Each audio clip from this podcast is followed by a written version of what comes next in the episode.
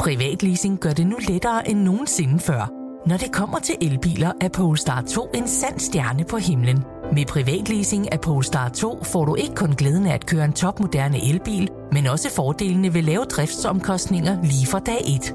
Du slipper for bekymringer om vedligeholdelse og service, for alt er inkluderet i den faste månedlige pris. Oplev friheden ved privatleasing af en Polestar 2. Besøg polestar.com.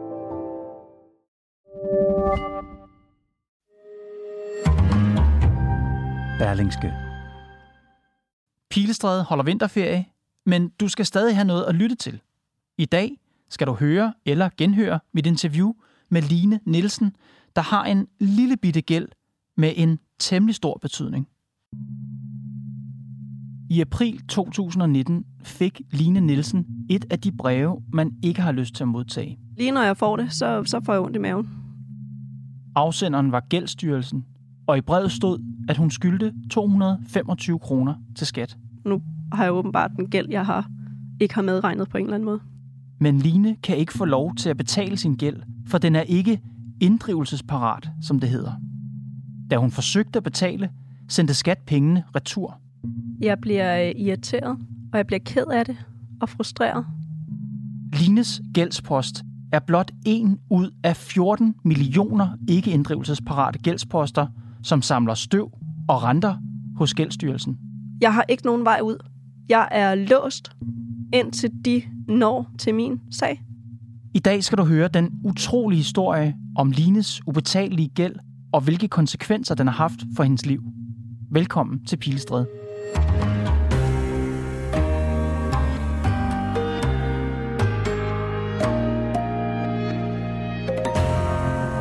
Hvor starter den her historie? Øhm, den starter i april 2019, hvor jeg får øh, brev fra Gældsstyrelsen om, at jeg øh, skylder dem nogle penge. Hvor meget skylder du? At 225 kroner For, for hvad? for en, øh, en rykker på en ejerafgift tilbage fra 2014. Så du har, der har været en ejerafgift, du ikke har betalt til tiden i 2014? Ja, det lader det til. Men den har du så betalt, for det er ikke den, du mangler at betale. Nej, det er rykkergebyret på ejerafgiften. Er det første gang, du hører om de rykkergebyrer, eller har du fået rykker i årene, der, der er gået ind? Jeg tænker det første gang, jeg hører om rykkergebyrerne. Hvorfor tænker du det? Ja, fordi at ellers så ville jeg have betalt dem. Jeg har ikke udstående, og jeg betaler mine ting til tiden. Så det kommer bag på mig, at jeg får det brev her. Mindes du, at du har betalt ejerafgiften, for, altså den oprindelige ejerafgift, som du får rykkerne for? Kan du huske, at den er blevet betalt for sent? Nej, det kan jeg ikke. Du sidder der i april 19, får brevet, du skylder 225 kroner. Ja. Hvad gør du?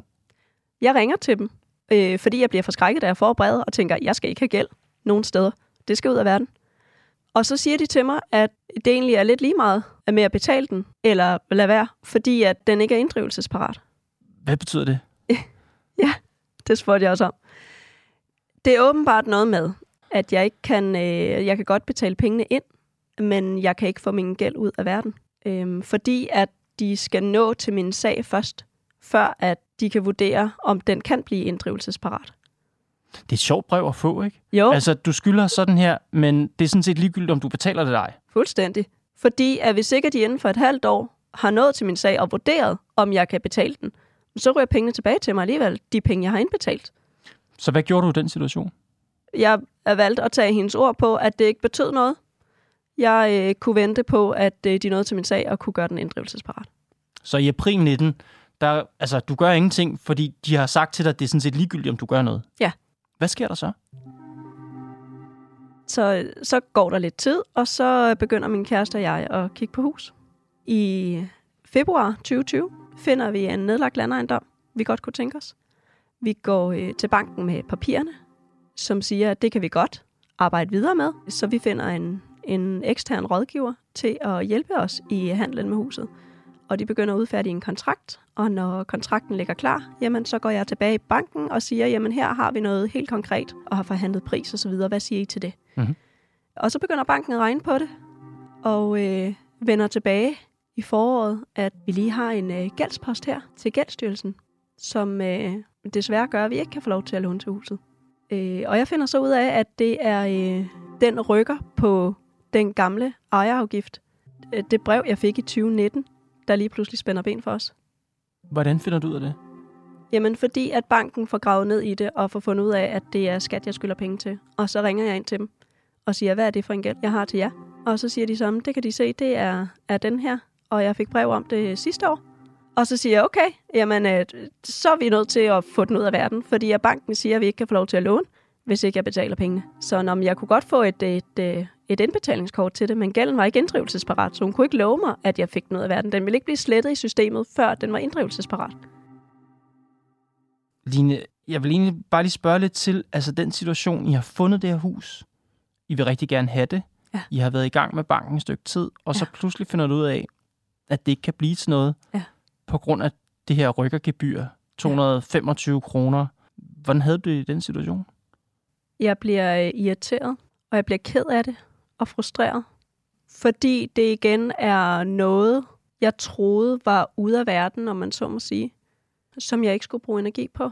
Og lige pludselig så øh, indhenter det mig på en eller anden måde. Mhm. Og spænder ben for mig også. De sender dig et indbetalingskort, og hvad er, hvad er gælden på det tidspunkt? Jeg tror, den er løbet op i 241 kroner cirka. Fordi der, der går renter på en gæld, som du ikke kan få lov til at betale. Ja. Jo? Det gør der. Så du har modtaget indbetalingskortet, 241 kroner, men de siger samtidig til dig, at det ikke er sikkert, at den kan betales. Jeg prøver lige at forklare det. Jamen, det er øh, noget med, at gælden står på, øh, på én konto. Og hvis jeg så indbetaler penge, så kommer de over på en anden konto. Jeg havde jo naivt nok regnet med, at de kom ind på den samme konto, og så blev den ligesom udlignet, eller der stod et plus, eller et, et eller andet, som, som de så, at det så var resten af det, de betalte tilbage, hvis det var. Men det er åbenbart ikke sådan, det fungerer. Så gælden bliver først udlignet, når der er nogen, der tager sagen og kigger på, der er gæld på den her konto, har hun nogle andre konti tilknyttet på en eller anden måde inde hos dem, Mm-hmm. som vi kan overføre penge fra, eller noget restskat, eller et eller andet, og så udligne den her gæld med. Hvad gør du i den situation, du modtager det her indbetalingskort? Jeg indbetaler pengene. 241 kroner. Ja. Og hvad så med huset og banken? Ja, så, går jeg, så ringer jeg til banken og siger, så, nu har jeg indbetalt pengene, nu har jeg ikke længere gæld til skat. Og så øh, går der nogle dage, og hun vender tilbage og siger, altså, ja, den, den bonger stadigvæk ud i mit system her. Så ringer jeg til skat igen og siger, hvad, øh, har, I, har I slettet min gæld, eller hvad, hvad kan jeg gøre her? Jeg har indbetalt pengene. Og de fortæller mig stadigvæk, at gælden er ikke inddrivelsesparat. De kan ikke fortælle mig, hvornår at de kan øh, få udlignet min gæld i systemet. Og så må jeg sige til dem, det, altså, jeg kan ikke få lov til at købe hus, fordi jeg skylder jer 241 kroner. Altså, det kan ikke være rigtigt. Kan I ikke, kan I ikke gøre et eller andet for at hjælpe mig her? Det kunne de ikke. Mm. Øh, fordi de kunne ikke skubbe mig frem i systemet, og hun kunne ikke henvise mig til nogen andre, der kunne hjælpe mig. Hvad med din bankrådgiver? Altså, for jeg tænker, 241 kroner, Ja. det er jo et meget, meget lille beløb. Ja. Prøver du at sige til banken, at det er så lidt, det handler om? Ja. Det gør jeg. Øh, og hun kan godt se, at det er selvfølgelig et lille beløb, men der er jo også er løbet renter på. Og, øh, og hvor mange renter kommer der så på til at løbe på, selvom jeg siger og har gode intentioner, jamen er det så i virkeligheden også det, der kommer til at ske, at jeg gerne vil betale den gæld der. De skal jo også øh, tænke på, at hvis, øh, hvis vi lige pludselig ikke betaler vores skat, jamen kommer vi så til at betale vores terminer, og kommer banken så til at stå med en kæmpe regning lige pludselig på vores bekostning. Hvordan ender det? Det ender heldigvis med, at vi får lov, fordi vi har en rigtig, rigtig god og menneskelig rådgiver i banken. Så det er rigtig rart. Hun øh, må simpelthen ringe op til, øh, jeg, ved, jeg ved ikke, hun har ringet rundt til, til nogen højere op. Hun var nødt til at vende den internt, om øh, de kunne gøre et eller andet her. Fordi jeg sagde til hende, jeg har indbetalingskortet her, du kan se på min konto, der er gået penge ind på, på det kontonummer der, og det er det her beløb, og jeg kan ikke gøre mere, fordi skat siger, at den ikke er inddrivelsesparat. Jeg er låst her. Jeg ved ikke, hvad jeg skal gøre. Men jeg lover dig lige så snart, at den bliver inddrivelsesparat. Så får jeg den ud af verden med det samme. Og hun vil gerne tro på mig, men hun kan ikke alene give mig lov. Så hun er nødt til at vende den. Det lykkedes jeg at få huset til sidst, Line. Og har de her 241 kroner, har de haft andre negative konsekvenser på dit liv? I 2021 fik vi en familieforøgelse, nummer 4 barn, og øh, var så nødt til at skulle ud og have en større bil. Vi fandt en, en lækker Touran, som vi gerne ville købe, og øh, Der fandt bilforhandleren også ud af, at jeg havde gæld til skat stadigvæk. Den havde jeg lykkeligt glemt på det tidspunkt også. Men øh, bliver så gjort opmærksom på den igen. Øh, og jeg må så overbevise bilforhandleren også om, at det har ikke nogen effekt. At, øh, at de penge, jeg skyldte til skat, de ikke havde nogen indflydelse på, om, om vi kunne låne eller ej. De havde ikke nogen indflydelse på, om jeg ville kunne betale afdragene på bilen. Jeg tænker bare, når jeg hører sådan nogle historier, at jeg får sådan, øhm, altså jeg bliver næsten sådan rød i kinderne, eller altså, jeg tror selv, jeg vil have det, hvis jeg stod hos en bilforhandler, og fik at vide, at jeg ikke kunne købe en bil på grund af en eller anden gæld til det offentlige. Altså, jeg vil føle, det var sådan stigmatiserende på en eller anden måde, eller jeg vil føle mig flov over det, eller hvordan er sådan en situation? Ja, den er øh, pinlig, fordi havde jeg nu bare i 2014, som gælden åbenbart stammer fra, været ekstra opmærksom, så havde jeg aldrig haft de her udfordringer i dag. Men når skat ikke engang kan finde ud af, om jeg faktisk har været uopmærksom, om jeg overhovedet skylder pengene, så bliver jeg vred, og jeg bliver provokeret. Allermest, fordi jeg ikke kan få det ud af verden. Jeg kan intet aktivt gøre for at få mine 241 kroner ud af verden. Hvordan ender det der bilkøb? Det ender heldigvis godt. Bilforhandleren tænker, ah, de penge, det betyder ingenting. Jeg stoler på, at I godt kan betale. Så han ringer ind til finansieringsselskabet og får finansieringen igennem. Men i begge situationer, både med huset og med bilen, der er det fordi, der er ekstra elskværdige mennesker, som hjælper dig. De kunne lige så godt bare have sagt, nej, du kan ikke købe det hus, og ja. nej, du kan ikke købe den bil. Det kunne de. Gudskelov findes der så nogle mennesker, på trods af vores skattesystem. Hvad sker der så med den her gæld efterfølgende? Lige der, da vi heldigvis får øh, bilkøbet igennem os, der overvejer jeg faktisk, om det kan betale sig at henvende mig til øh, forbrugerrådet, eller om det kan betale sig at hyre en advokat. Fordi jeg bliver ekstremt provokeret af, at øh, de her få penge, synes jeg jo, kan spænde ben for mig på den måde. Og, og jeg synes, det er pinligt at have gæld til skat. Jeg vil så gerne indbetale dem. Jeg vil så gerne have det ud af verden, så det ikke står igen i en anden situation og spænder ben for mig. Og du har jo allerede indbetalt pengene på jeg det tidspunkt. Jeg har indbetalt ja. pengene. Hvad sker der efterfølgende i din sag? Jamen, der sker ikke så meget andet, end jeg i, i januar 2022 får pengene tilbage igen. For de penge, jeg indbetalte i 2020. Mm-hmm. De 241 øh, kroner? Ja. Får du simpelthen sendt tilbage? Hvor, ja. Hvorfor sender de pengene tilbage til dig? Jamen, øh, fordi at... Øh, og den er lidt, lidt lakrids, lidt sjov. Øh, fordi at øh, hvis ikke pengene, hvis ikke gælden, den kan blive opgjort inden for et halvt år efter pengene er blevet øh, indbetalt, mm-hmm. så sender de pengene retur. Men i min sag er der jo gået to år, før jeg fik pengene retur. Mm-hmm. Hvad, hvad, da du modtager det brev, hvordan reagerer du? Jamen, jeg tror bare, at jeg tænker, så kom lige tilbage. Så har jeg sikkert stadigvæk gælden, eller sådan blevet afskrevet. Jeg afventer. Mm. Det gjorde jeg. Så Hvad? fik jeg et brev igen. Hvornår? Samme år. Ja. Foråret.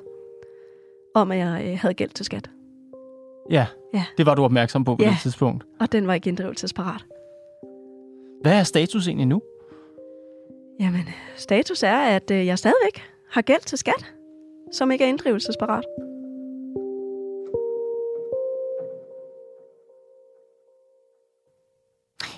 Gældsstyrelsen øh, har et slogan. Det lyder sådan her. Vi hjælper borgere og virksomheder med at betale deres gæld til det offentlige. Nå. Føler du dig hjulpet af Gældsstyrelsen? Under ingen omstændigheder. Nej, det gør jeg ikke. Jeg vil jo rigtig gerne have talt med Gældsstyrelsen, øh, men de har ikke øh, mulighed for at stille op til interview, siger de. De har tidligere oplyst til os, at det er muligt at modtage et brev, der viser, at man er gældfri, selvom ens gældspost for nuværende ikke er lovlig at opdrive. De siger, at det særligt gælder i sager om blandt andet huskøb. Altså, da du ringer ind, siger, prøv, kan I ikke bare give mig et stykke papir, så jeg kan dokumentere, at min gæld kun er 241 kroner, der får du jo nej. Ja, det gør jeg. Gældsstyrelsen siger så, at det er muligt at udsende det brev, men det har du ikke fået. Det har jeg ikke fået, Nå. og det har den medarbejder, jeg har talt med på det tidspunkt, tydeligvis heller ikke været opmærksom på. Det kunne jeg godt have brugt. Line, din sag er jo ikke enestående, desværre. Øh, og det er også derfor, Berlingske har beskæftiget sig med den. Baggrunden for det her er, at din gældspost er bare en blandt 14 millioner gældsposter, som lige nu ligger i en bunke inde i gældsstyrelsen, på grund af et gammelt inddrivelsessystem, som ikke kan håndtere de her poster. De er ikke inddrivelsesparate, som du også siger. Styrelsen ved ikke, om gælden er forældet, eller om der kan være fejl i oplysningerne. Og blandt de her fejl kan for eksempel være, at den samme gældspost er sendt til inddrivelse flere gange, at en gældspost har en forkert stiftelsesdato, eller gældsposter, når deres renter er blandet sammen. De her mange millioner gældsposter skal gennemgås nærmest en for en, for at styrelsen kan være sikker på, at gældsposten er det, man kalder retskraftig, altså myndigheden har ret til at kræve gælden betalt, og det er en tung og arbejdskrævende proces. Ifølge styrelsen, så tager det i gennemsnit 90 minutter at behandle en gældspost manuelt, for at finde ud af, om gælden kan inddrives. Hvis man ganger de 90 minutter med 14 millioner fejlbehæftede gældsposter, der venter på at blive gennemgået, så vil det tage 21 millioner timer at gennemgå dem alle sammen. Det vil kræve 11.000 fuldtidsansatte medarbejdere i et helt år, der ikke laver andet, og lige nu er de 320 om det. Gældsstyrelsen oplyser også til Berlingske, at den i år er begyndt at returnere indbetalinger, ligesom du har oplevet. Og det er ifølge styrelsen indtil videre sket 138.000 gange øh, for et samlet beløb på 121 millioner kroner. Det er lovgivningen, som ifølge Gældsstyrelsen forpligter til at returnere indbetalinger, hvis ikke det er muligt at afklare gældens gyldighed efter 6 måneder. For dit vedkommende var det jo så to år. Det er bare lige så folk forstår, hvad det er for en udfordring, Gældsstyrelsen står med lige nu. Og som sagt, Line, jeg vil jo gerne have interviewet dem. Det har de ikke ønsket, men de har tidligere sendt os nogle citater, som jeg vil prøve at læse op for dig, så kan du prøve at reagere på dem. Ja. Helt overordnet er det selvfølgelig altid afgørende for Gældsstyrelsen, at inddrivelsen foregår på et lovligt grundlag. Det kan vi ikke gå på kompromis med, og det er desværre sådan, at der i dag pågår et omfattende oprydningsarbejde i gældsposter med mistanke om fejl. Hvad siger du til den forklaring? At de selvfølgelig skal overholde loven, og det er jeg rigtig glad for, at de forsøger at gøre. Jeg føler mig bare stadigvæk bundefanget. Prøv at fortælle om det der bunde. Du har brugt ordet flere gange. Hvorfor ja. Ja. føler du dig bundefanget? Fordi jeg ikke har andre muligheder. Jeg har ikke nogen vej ud. Jeg er låst, indtil de når til min sag. Tilbage til Gældsstyrelsen. De skriver, Gældsstyrelsen anerkender de udfordringer og gener, som det kan skabe for nogle borgere og virksomheder.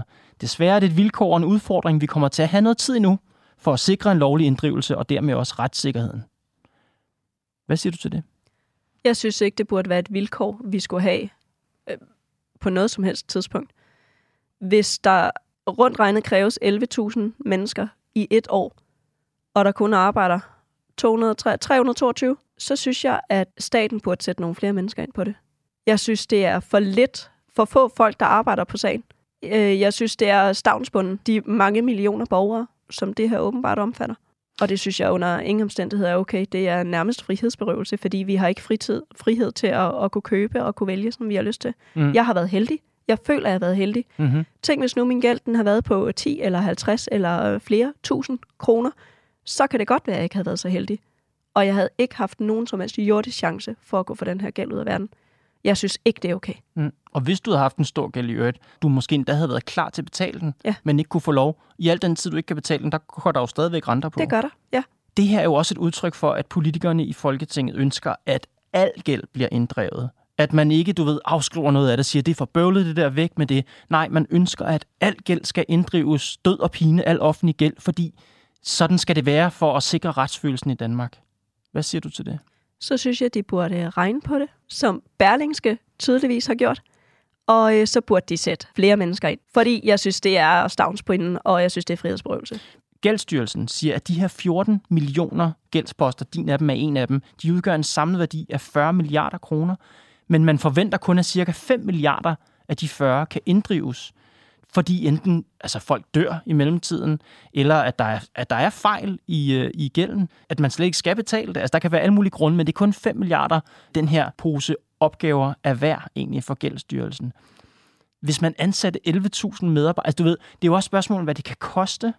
Hvis man skulle ansætte flere medarbejdere til at kigge sagen igennem, så bliver det også dyrere, så der er mindre udbytte for staten. Kan du se dilemmaet?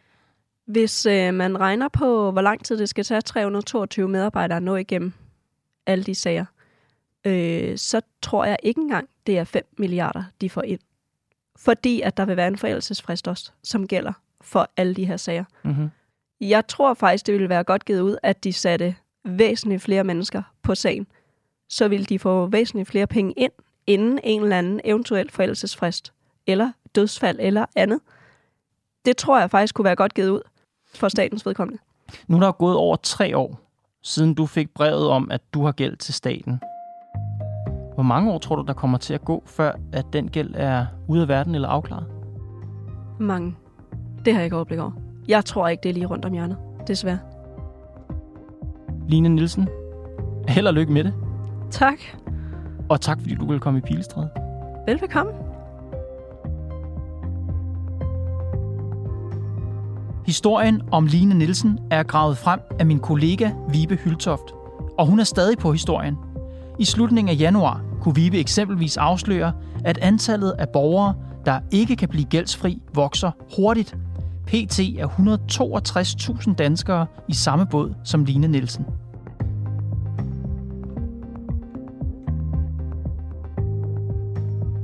Det var Pilestrædet for i dag.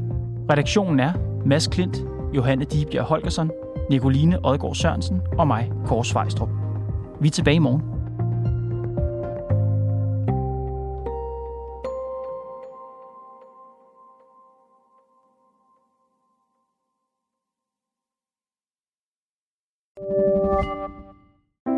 Privatleasing gør det nu lettere end nogensinde før. Når det kommer til elbiler, er Polestar 2 en sand stjerne på himlen. Med privatleasing af Polestar 2 får du ikke kun glæden af at køre en topmoderne elbil, men også fordelene ved lave driftsomkostninger lige fra dag 1. Du slipper for bekymringer om vedligeholdelse og service, for alt er inkluderet i den faste månedlige pris. Oplev friheden ved privatleasing af en Polestar 2. Besøg polestar.com.